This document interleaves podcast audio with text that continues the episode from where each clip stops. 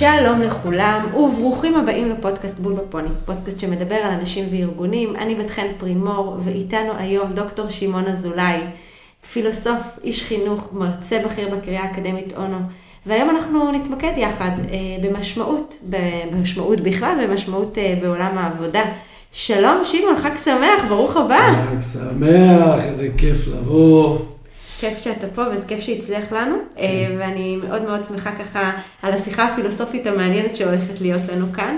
באנו בעצם לדבר היום על משמעות, על ככה נושא שמדובר רבות אה, אה, בהקשרים גם של החיים האישיים שלנו וגם בעולם העבודה. הרבה מקשרים את עולם המשמעות לעולם הארגוני, ללמה הארגון בעצם קיים, ומתייחסים לזה ממש קצת כמו אפס ואחד.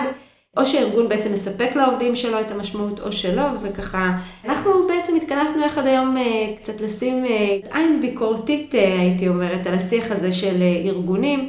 להתבונן קצת על משמעות מההיבטים של הפרט, מה מייצר עבורם את המשמעות בעבודה, בחיים ובכלל. אז בוא, בוא ככה נתחיל מה, מהבסיס, מה זה, מה זה בכלל משמעות? אפשר לומר על בני אדם, זה נכון לכל ארגון ולכל קהילה. באתי בגלל הכסף, אני נשאר בגלל המשמעות.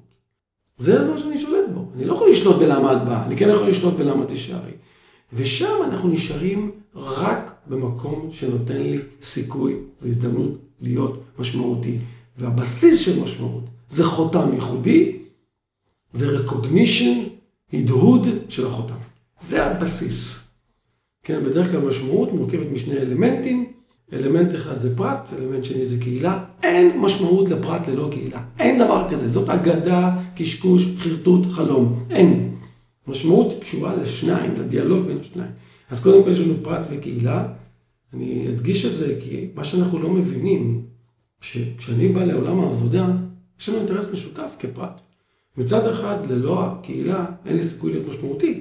כן, אז לכן אני זקוק לך, כמעסיק במירכאות, כן?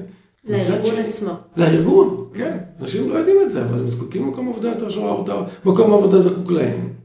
והדבר השני, כשם שכן, ללא, ללא הקהילה לפרט לא יהיה משמעות, ללא הפרט, הקהילה לא תצמח והיא תתנוון. כי ללא החותם הייחודי של פרטים בתוך אותה קהילה, היא תתחיל להתכווץ, ובסופו של דבר היא תיעלם. אני מאוד אוהבת את ההידעות שאתה עושה בין הצורך של הפרט לצורך של הקהילה, ואיך בסוף זה מתנגש בין שניהם ההיבט המשמעות. זה הטעות שאנשים לא מבינים, חושבים שפרט וקהילה זה יצורים מתנגשים. זה לא. אהבתי. הדיאלקטיקה שלהם מגולמת דרך מושג המשמעות. זאת אומרת, אם אני אחשוב על מושג העושר למשל, בחיבור ביניהם, אני אקבל התנגשות. או על מושג הכסף, אני אקבל התנגשות, כי הוא רוצה פחות, ברור. נכון. אבל מושג המשמעות זה המושג היחידי שיוצר דיאלקטיקה ביניהם. אז לכן משמעות היא קודם כל פרט וקהילה, וצריך לקרות שני דברים. אחד, זיקה חזקה לאותו הקהילה, וזה אתגר אדיר למעסיק. אה, זה, ולכל קהילה בכלל. איך אני יוצר זיקה? זה דבר מאוד עמוק. והדבר השני, חותם ייחודי קטן ככל שיהיה, שהוא מבטא את המשמעות שלי, ואני זקוק לרקוגנישן והדהוד שלו, והוא בונה את מה שאני מכנה הון המשמעות שלי. אם אני אורזת את מה שבעצם דיברת איתנו על משמעות, אז מה שאתה אומר בעצם שמעבר לזה שזה צורך אה, קיומי, אה, המשמעות בעצם מכילה שני דברים, גם את הקהילה וגם את הפרט, וכשהמשמעות אה, של שניהם מתחברת ביחד, אז ככה באמת יש איזושהי הדדיות. אני אומר בין... אותם, זה לא רק שהמשמעות של שניהם מתחברת, זה מושג המשמעות היחידי שיודע לחבר אותם. לגמרי. וכל מושג אחר, למשל, למה אני לא אוהב את מושג העושר? כי הוא נורא אגואיסטי. אני לא אוהב אותו מהרבה סיבות, גם כי הוא מטופש מהרבה סיבות אחרות, אבל הוא קודם כל נורא אגואיסטי, זה כאילו העושר שלי, והיום מה את רואה בשוק העבודה? עובדים עוזבים אחרי שעה. למה? כי לא טוב לי. תמיד מלכים, אני לא מאושר, אני אמור להיות מאושר 24 שעות, ואני לא מאושר, אני בא לעבודה. כי ברגע שאת מניחה את רשת השיפוט של עושר על ארגון, הארגון אומלל. וכל מי שנמצא בתוכו וכל מי שנמצא בתוכו הוא אומלל. כשאת מניחה את רשת המשמעות, את מקבלת פנים אחרות לגמרי. ובגלל זה, זה לא רק איזו אמירה כללית פילוסופית, אני בגלל זה מתנגד, לא שיש לי משהו נגד זה, כן? Mm. אבל ארגון שאומר לעצמו, כן, פעם בשנה ניקח את העובדים לאילת, ניתן להם אה, אה, סטייקים, וניתן להם מוזיקה וברכה ואלכוהול, ויהיה להם כיף שלושה ימים, באמת יהיה להם כיף. בסוף, מה שיקבע זה הדקדוק של היום-יום, שמבוסס על שורה אדירה של הזדמנויות, מערכות יחסים, אתוס, זיקה והרבה מילים מן הסוג הזה. זאת אומרת, הטעות שיש לנו עם מושג המשמעות, שהיא נובעת מכל מיני סיבות תמיד טובות, בואו נקרא לזה ככה. זה נכון גם לתלמידים, וזה נכון לילדים בבית, זה נכון לזוגיות, וזה נכון למקום עבודה. זה שמשמעות זאת פריבילגיה. כן, זה, אתה שומר משמעות, יש איזה דימוי נורא, שמישהו מחבק עץ כזה, וכולם מתכנסים, זה במין, זאת בעיה של בורגני משועמם. או-אה. זה קשקוש מוחלט. משמעות איננה פריבילגיה של בורגני או בורגנית משועממים שלא הולכים לעשות, אתה יודע מה, מלכת המדבר. לא. משמעות היא צורך קיומי שמתחיל בגיל אפס ולא מסתיים לעולם. אני מדגיש לא מסתיים לעולם, בגלל שאחת הבעיות של גיל שלישי ורביעי, שזה למשל יציאה לפנסיה בהרבה מובנים, למעשה אנחנו ממיתים את עצמנו, עושים שאט דאון למערכות שלנו, כשזורקים אותנו מעולם המשמעות. לכן משמעות איננה פריבילגיה, אלא צורך קיומי עליון ראשון, שהכל מתחיל ממנו וכל הבעיות חוזרות אליו, גם אם אנחנו לא רואים את זה. גם בבית ספר, גם במקום עבודה, גם בגן, גם בזוגיות, גם במדינה, גם בקהילה הקטנה. ולמשל, אחד המזיקים הגדולים לעולם המשמעות, שגם מבין את זה באיזשהו שלב, זה כמובן מסלו, או כמו שאני אוהב לומר, ממש לא. ממש לא. ממש לא. אה, מסלו דיבר דברים לא נכונים בלשון המעטה. קודם יש משמעות, והכל בא אחר כך. ולא הפוך, אם אני אחשוב כארגון, דרך מאסלו, אין לי סיכוי עם העובדים שלי. אז איך, איך נוצרת משמעות עבור כל אחד מאיתנו בסוף? מאיפה מגיע הצורך האינדיבידואלי שלי, או של כל בן אדם אחר, למשמעות? כאילו, איך היא בכלל משתנה, היא מתעצבת לאורך זמן? כי בסוף אתה אומר, זה משהו שהוא צורך קיומי מגיל אפס, אנחנו חייבים אותו. קודם כל, אנחנו צריכים להבין, זו נקודה קריטית לעולם העבודה, שעולם העבודה היום ניצב בפני משבר משמעות. תסביר. באופן מסורתי, מרבית העובדים בעולם, מרבית עולם העבודה, לא חשב משמעות. מכל מיני סיבות, כי קיום, מבנה מסוים, אני לא נכנס לדבר הזה. עד לפני 30 שנה, למשל, מערכת החינוך בישראל מראש לא הייתה שוויונית. היא לא התכוונה, היא הכשירה 15% להיות שחקני משמעות, ו-90% להיות צרכני משמעות ועבדי משמעות. למה? כי לא היה צריך שיש לך עידן שבו יש מנהל אחד, ומהנדס אחד, ומאה פועלים. מה אני צריך שהם יהיו שחקני משמעות? שיש בהם אותנטיות ואקטיביות, ומה אני צריך? הלו, תפעיל את המכונה וסתום את הפה שלך. בפסח ניתן לך איזה מתנה אם נהיה נחמדים. העידן הזה נגמר. הוא נגמר גם עבור ארגונים, והוא נגמר גם עבור פרטים. היום, אם אני לא מוכשר לשחק את משחק הרעיונות, משחק המשמעות, אני לא אהיה, לא קיומית, לא חברתית, לא תרבותית, לא תעסוקתית, לא שום, לא כלכלית כאן.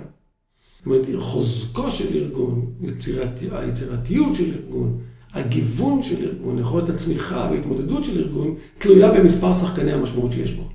לטעמי היום ארגון שלא יחשוב משמעות, ולא יחשוב משמעות כלפי עובדיו, ולא יראה אותם כמה שאני מכנה שחקני משמעות, יש שני אתגרים גדולים שמעסיקים אותי. מצד אחד שחקן משמעות, וזה האתגר של הפרט. המושג השני הוא קהילת משמעות, אני לא יודע אם אנחנו נספיק להיכנס אליו, קהילה שנותנת לי הזדמנות וסיכוי להיות משמעותי. ואני טוען שאם אנחנו לא נבנה את שני הנתיבים האלה, לא נחזיק אותם בראש ולא נכיר באחריות שלנו כלפיהם, אנחנו לא נצליח להתמודד עם אתגרים אדירים של שוק העבודה, כמו תנודתיות, ניכור וכמובן צמיחה. בסוף כשאנחנו מסתכלים עלינו כבני אדם, כשאני מסתכלת נגיד על עצמי, העבודה בסוף, בהרבה מקרים היא מרכיב מאוד משמעותי בזהות שלי, בזהות שלנו. שלנו כבני אדם, וגם המקצוע וגם מקום העבודה. בזהות האישית שלנו. היא המרכיב הכי משמעותי. נכון, אנחנו מבלים את מרבית השעות שלנו בחיים אה, בעבודה. האם העבודה היא דבר שמייצר משמעות בסוף תמידית, או שרק במקרים מסוימים? כי דיברת על הקמצוץ הזה, אמרת, צריך שיהיה איזשהו חלק קטן של משמעות, אה, זיקה אה, של משמעות, כדי שאותו בן אדם יחווה את זה. בסוף, האם המקום העבודה הוא זה שמייצר לנו משמעות רק ברובד אחד של משמעות, או שזה יכול להביא לנו כמה, כמה אה, רבדים של משמעות תוך כדי תנועה? לטעמי, לאורך זמן, מקום העבודה רק יהיה זירה למימוש המשמעות שלי, והוא לא יהיה קהילה במובן החזק של המילה. אני תכף אסבר למה אני מתכוון. אבל במובן מסוים, את יכולה להגיד שמישהו מקבל את המשמעות שלו בעולם העבודה, יכול לקבל אותה בגדול בשני כיוונים שקשורים למודל שתיארתי. אחד, זה שהוא צובר שם, זה זירה לצבור הון משמעות. זאת אומרת, זה מקום שבו, נניח שאת, אה, אה, אני יודע מה, עוסקת בעיצוב, אז קודם כל את מעצבת. את שחקנית משמעות בעולם העיצוב. והמקום עבודה הוא מקום שמאפשר לך לצבור עוד ועוד הון משמעות בגזרה הזאת, ונותן לך את המרחב שזה קורה, ואת ההזדמנויות שזה קורה, וכן הלאה. אבל הליבה נמצאת בהון המשמעות הפרטי שלך, שמרחיב גם את ההון המשמעות של הארגון. ויש לנו פה ווין ווין. ההערכה שלי זה שהעולם הולך לשם. עכשיו, במקביל קורה תהליך מעניין, והוא חזרה לקהילות במובן החמור של המילה, במובן החריף של המילה, במובן החזק של המילה. מהרבה מאוד סיבות, זה קשור גם לקורונה, שהבהיר לנו כמה, קודם כל מקום העבודה זה סתם מפגש עם מישהו בכוס קפה וסדירויות והרבה מאוד דברים מן הסוג היום כבר אנשים גם לא מבצעים מפגשים, הכל זה מרחוק, יש ריחוק אמיתי. הריחוק הזה הוא אה, אסון קיומי עבור מרבית האנשים, נמצאים בעולם שקלט את משבר הבדידות המטורלל שהובילו אותנו אליו. ועבור הרבה אנשים מקום עבודה זה קודם כל אזור קהילתי, זה לפני הכל, לפני הרבה מילים אחרות. עושים כל מיני תפקידים, אבל הם goes with the wind כזה, כן? והם לא מהווים איזה ליבה שמחר אני יוצא משם, ו... אלא המרחב הקהילתי מאפשר לי אה, אה, את המשמעות. עכשיו, השאיפה היא כמובן ששני הדברים יהיו יחד, אבל זה בדרך כלל לא מה שקורה. יש מקומות עבודה שמתרכזים רק בחיים הקהילתיים, והמשמעות היא משם, ויש מקומות עבודה שמתרכזים יותר בלתת לך להיות שחקן משמעות ולפתח הון משמעות. אני מעריך שבסוף שוק העבודה מתכנס לאזור של הון משמעות. תראי, מה שאת עושה עכשיו, את עובדת בכל מיני עבודות, אבל מה את עושה עכשיו למעשה? זה הרי לא קשור לעבודה היומיומית שלך. נכון. מה שאת עושה עכשיו... באופן עקיף, אבל כן. כן זה, קשור, זה לא קשור לארגון שאת עובדת פה, אבל זה קשור לליבת משמעות שלך. נכון. שזה אומר מה? את מבינה שאת, עניינך בחיים לצבור יותר ויותר הון משמעות. שאלת אותי, אה, כשדיברנו לפני זה, איך להציג אותך. כאילו, שאמרו, אמרתי, וואי, לא, לא רשמנו את הטייטל. סירבת, סירבת כן. לטייטל. אמרתי לך, תשמעי, אני לא אוהב את הטייטלים. טייטל פירושו שהשם שלך לא מדבר את עצמו. אם אני צריך להגיד עלייך אלפי משפטים, זה אומר שהשם שלך לא אומר כלום. עכשיו, השאיפה שלך... או שלא מכירים אותך, ואז אתה... הם לא מכירים אותך. לא מכירים אותך, זה אומר שאין לך הון משמעות. מה זה לא? לא מכירים, זה אומר שאין לך הון משמעות, לא הדהדת בעולם. הרי בסופו של יום, כשאני יוצר חותם בעולם, מאיפה בא המנגנון העמוק של חותם? למה אני כל כך אה, הדגשתי אותו קודם? הוא בא ממנגנון עמוק שפירושו ניסיון שלי להתגבר על עצמי, על הסובייקטיביות שלי ועל המוות האפשרי שלי. ולכן שאיפת היסוד הקיומית זה שהחותם הזה יהדהד עד אינסוף. מקום עבודה שיבין שהוא צריך גם לשמר את המימד הזה, יצליח להחזיק את העובדים שלו לאורך זמן. למה? כי אם יש לי הון משמעות גבוה, אני כבר לא רוצה אותך, אני יכול לנוע באופן מאוד מאוד נזיל בין מרחבים שונים. ולכן מי שלא יבין ולא יחשוב גם דרך המרחב הקהילתי, יאבד את העובדים שלו מהר מאוד. זה יצא לי ככה לא מזמן לקרוא אה, מחקר אה, שעשו אה, במייקרוסופט, שדיבר על זה שהם בדקו מה אנשים מחפשים במקום העבודה החדש שלהם. אתה תתפלא לשמוע, אבל 40 אחוז ענו על תכלית ומשמעות יותר מתנאים ויותר מכל דבר אחר. והאם זה נכון יהיה להגיד שלאנשים היום כבר יש איזושהי ציפייה שהעבודה תספק להם משמעות? חושב שהיום זאת דרישה, תמיד זו הייתה דרישה לא מודעת, והיום זו דרישה מודעת. היא מדוברת. היא מדוברת יותר. זאת אומרת, אנחנו בעולם שמציע לי מרחבי משמעות מרובים, משחקי משמעות מרובים. אבל צריך להבין, אנשים, מהפכת האינטרנט היא המהפכה הכי גדולה בתולדות האנושות. זה לא איזה משהו קטן. זו פעם ראשונה בהיסטוריה שנולד מרחב שמאפשר ומזמין את כולנו למשחק המשמעות. זה, זה, זה מטורף כמעט. עכשיו, ולכן מגיע היום עובד למייקרוסופט, או עובד לא חשוב לאן, אני יודעת מה, לסופר, לשפע יששכר, לא יודע. הוא יודע באותו רגע שיש עוד מרחבים. אם אתה לא תציב לו אלטרנטיבה לדבר הזה, אין לך כמעט סיכוי. אגב, זה נכון גם למורה בכיתה, זה נכון להורים בבית, זה נכון כמעט לכל אחד. כשאני נמצא במקום שלא נותן לי הזדמנות, סיכוי, מספיק הזדמנות וסיכוי, בדרך כלל יש שלושה שלבים. אלימות, סוג ורסיות של אלימות. זה יכול להיות פאסיב אגרסיב, יכול להיות כל מיני דברים. ניכור שזה הכי קשוח, ובסוף נטישה. ולכן, זה כבר, אתה לא יכול להגיד, טוב, אני מעסיק אותו, שיגיד תודה. מה זה יגיד תודה? זה כבר, השיח הזה הוא לא רלוונטי. כן, מה? הוא היום מאוד הדדי. זה כבר, אנחנו יודעים טוב מאוד, שאפילו צה"ל, עם המורכבות שלו, של שירות חובה, ואחרי זה קבע, מבין את זה. אתה כבר לא יכול להגיד, זה לא טובה, זה לא עובד ככה. מהשיחה שלנו, אני מבינה שהמשמעות בסוף היא, היא תוצר חברתי גם.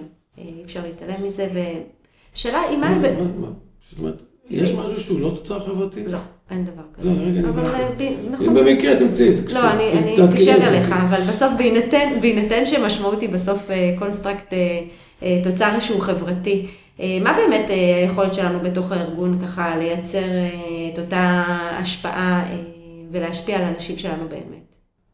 כל הפיתוח של המודל של שחקן משמעות מצד אחד, והמודל של קהילת משמעות מצד שני, זה פיתוח של המרכיבים. בכל דבר כזה יש חמישה מרכיבים, אולי בגלל חיבתי לחמסה זה יצא איכשהו חמש, אבל זה לא אומר שחייב להיות חמש. וכל, וכל אחד מהמרכיבים האלה מתפרק לאין ספור פרקטיקות. למשל, בשחקן משמעות, אתה יכול לדבר על התכונות שלו. עכשיו, אני רוצה להגיד משהו על שחקן משמעות, אם אפשר. כי הרבה פעמים כשאני מדבר על זה, אנשים מבלבלים בין שחקן משמעות לשחקן משמעותי. שחקן משמעותי זה תיאור של מצב נתון. אני בא עכשיו לצבא, מסתכל על אדם מסוים, או אישה מסוימת, והיא משמעותית. היא יכולה להיות תת-אלוף, יכולה להיות, כן ירבו, כן, אין מספיק. אבל כשאני מוציא אותם, או אותו מהמערכת, ספק רב אם בכלל הוא, יש לו משמעות. אין לו. לפעמים כן, לפעמים לא. זאת אומרת, שחקן משמעותי זה שחקן במערכת נתונה, שזה דבר נפלא. שחקן משמעות, לעומת זאת, זה אוסף של תכונות, שיש לך אותן גם אם את תצאת מהקהילה. והתכונות האלה הן אלה שמאפשרות לך לחצות בין קהילות, לעבור בין קהילות, להתמודד עם אתגרים שונים שיבואו וכן הלאה. ולכן, זה שני דברים שונים לחלוטין. הרבה אנשים הם שחקנים משמעותיים, אבל רחוקים מלהיות שחקני משמעות. דיברנו על משמעות, ובואו רגע נדבר על חוסר משמעות. יש אנשים שמרגישים חוסר משמעות, תחושה שאנשים חווים אותה לא מעט פעמים, ככה שאין להם תכלית, ואז הרבה פעמים יחד עם זה תוסיף קצת תסכול ושחיקה. יש באמת דבר כזה חוסר משמעות? בטח. ברור. כשאני מלמד מושג המשמעות, וגם בדוקטורט שניתחתי את מושג המשמעות, אז אני אומר שאתה לא יכול להתחיל מלדבר על משמעות, אלא הדרך הנכונה להבין משמעות זה לשאול על המקרים, סיטואציות, מושגים שמבטלים חוסר משמעות. כשמופיעה שאלת המשמעות יש לך בעיה. זאת אומרת, כשאני מדבר על מושג כמו קהילת משמעות, אם מישהו עולה בו שאלת המשמעות, נכשלת. למשל בבית ספר, תלמיד שואל למה אני צריך את זה. כן, הוא לומד עכשיו, אני יודע מה, לוגריתמים, כמו שאתה אומר, תגיד, מה אני צריך את זה? אין לך דרך לענות על זה. הבעיה שלך שהשאלה עלתה. כי לא הצלחת לחבר אותו כי הוא לא הצלחת ליצור מרחב של משמעות. כשאת נמצאת במרחב של משמעות, את לא שואלת למה אני צריך את זה. לכן בדרך כלל משמעות מופיעה דרך שלילתה, דרך המקום שבו היא נשברת. ויש לנו הרבה מופעים של שלילה. בגלל זה המודל שלי מנסה לענות עליהם. תחושה של סתמיות, מעשה סתמי, חוויה סתמית, זמן, בזבוז זמן סתמי, הכי גרוע, סבל סתמי. תמיד אומר, לבני אדם אין בעיה עם סבל. כשהם יודעים למה הם חווים אותו. בדיוק, יש לנו בעיה עם סבל חסר משמעות. זה מופע אחד של חסר משמעות. אגב, זה באמת גם ההבדל בין סבל לכאב. זאת אומרת, כש, כשאתה סובל, אתה יודע להגיד באמת, באופן אובייקטיבי זה קורה כי אני יולדת, או כי נפצעתי, או כי נפלתי, והכאב זה עניין של הבחירה גם של הבן אדם בסוף. נכון, כן, אני פשוט פחות מחבב את ההבחנה, אבל אני הולך איתה רק לצורך העניין. אתה לא באופן כללי לומד את הבודהיזם. לא, בכלל אני חושב שזה בודהיזם בעיה. לא אוהב בודהיזם. לא רואה בודהיזם כי הוא חושב שאדם סגור בתוך עצמו. ואני כל עמדה פילוסופית, או חברתית, או תרבותית, או לא יודע מה, שתסגור את הפרט בתוך עצמו, בשבילי אויב. את באה לבית ספר, את רואה את הילדים מתאגדים להם. בהפסקות, משחקים, צחוקים, רק נכנסים לכיתה, ניאו-ליברליזם קיצוני, אדם לאדם זאב, אתה חי לבד, אוכל לבד, נבחן לבד, מת לבד, אין לך, רק העולם הפנימי, זה לא רציני. אם את רוצה לדעת, האם הקהילה שאת נמצאת בה, הארגון שלך, משפחה, כיתה, לא חשוב, היא קהילת משמעות בשבילך, whatever that means now, תשאלי את עצמך שאלה פשוטה. מהי מידת הנראות, ה-visibility, שלי או של אחותם שלי? ככל שהם יותר נמוכים, זאת פחות קהילת משמעות. ככל שהם יותר גבוהים, זה יותר. ממש, זה מתמטי. ולכן ככל שנגדיל את זה, זה טיפ מעשי לגמרי. מחר בבוקר. ככל שניצור סטרוקטורות שיגדילו את הנראות של העובדים שלי, סלאש, של הילדים שלי ושל אחותם שלהם, זה יהיה יותר קהילת משמעות. איפה בסוף עובר הגבול אה, בין יצור של משמעות שהיא מועילה לפרט, שהיא ככה נותנת לו אה, משמעות ועוזרת לו ומצמיחה אותו, לעומת אה, צורה שעלולה ממש לפגוע. אני אפילו אגדיר את זה בין מניפולציה כזאת שככה יכולה לתת היבט הרסני. האם בסוף יש היבטים מוסריים של יצירת משמעות? שאלה מדהימה וחשובה וקריטית.